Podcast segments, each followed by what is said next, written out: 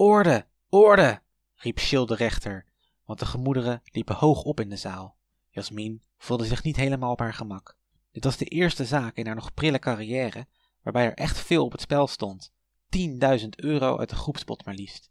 Maar ze haalde vertrouwen uit het feit dat Philip vast niet voor niets haar als advocaat had gekozen. Toen het eindelijk stil was in de zaal, gaf Giel de rechter het woord aan Lennart, de aanklager. Die Philip heeft in de dossiers gekeken, riep Lennart. Dat is pure onzin, riep Philip boos. Maar Jasmin zei dat hij stil moest zijn en het aan haar over moest laten. Edelachtbare, zei Jasmin, Philip is een goudeerlijke man. Hij heeft zelfs de leerdammer-eed afgelegd en daarbij gezworen dat hij die dossiers niet zou bekijken en dat heeft hij dan ook niet gedaan. Maar Lennart leek overtuigd van zijn gelijk, evenals zijn advocate Annelotte, die riep: Hoe verklaren jullie dan dat de dossiers open lagen nadat Philip in de kamer was geweest? Nog voor Jasmin iets kon zeggen, riep Philip terug: dat kwam omdat ik in razend tempo naar buiten ben gegaan, omdat ik zo ver mogelijk met die dossiers uit de buurt wilde blijven. En toen trok ik de deur zo snel open dat een windvlaag die dossiers heeft doen openwaaien. Lennart en Annelotte barsten in lachen uit. En Jasmin probeerde Philip nogmaals uit te leggen dat zij beter het woord kon houden. Wie zegt dat Philip dat heeft gedaan en niet een van jullie? vroeg Jasmin. Hebben jullie daar bewijs voor? En toen haalde Lennart een diarol tevoorschijn. Hier staat het allemaal op, zei hij. Philip en Jasmin schrokken zich een hoedje. Als die dia's worden afgespeeld, dan is de zaak verloren. Haar hele reputatie zou dan naar de vaantjes gaan. Haar hele carrière naar de knoppen. Lennart liep al richting de diaprojector, die toevallig in de rechtszaal stond. En Philip siste wanhopig tegen, tegen Jasmin. Doe iets, snel! Jasmin dacht na. Maar ze wist dat ze verloren hadden. Wanhopig probeerde ze nog een uitweg te bedenken. Maar ze werd ook afgeleid door Isidor, die driftig door de zaal heen rende en luid blafte.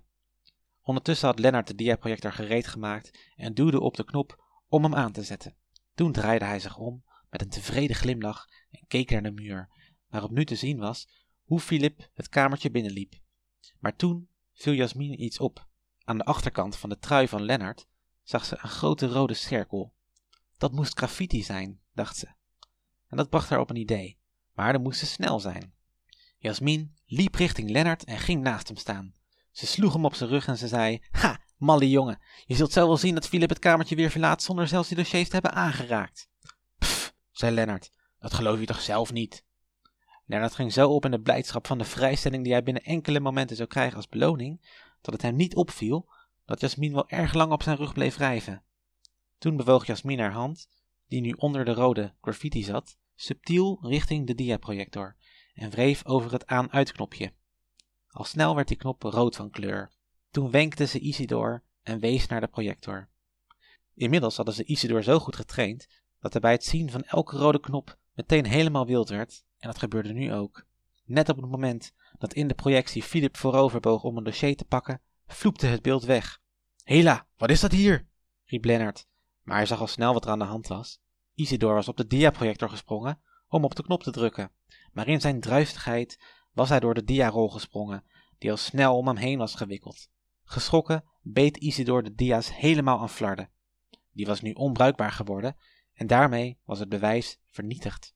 Er werd besloten om de opdracht maar te cancelen, de groepspot bleef intact en hoewel Jasmin die aflevering afviel, ging ze met een welvoldaan gevoel weer naar huis.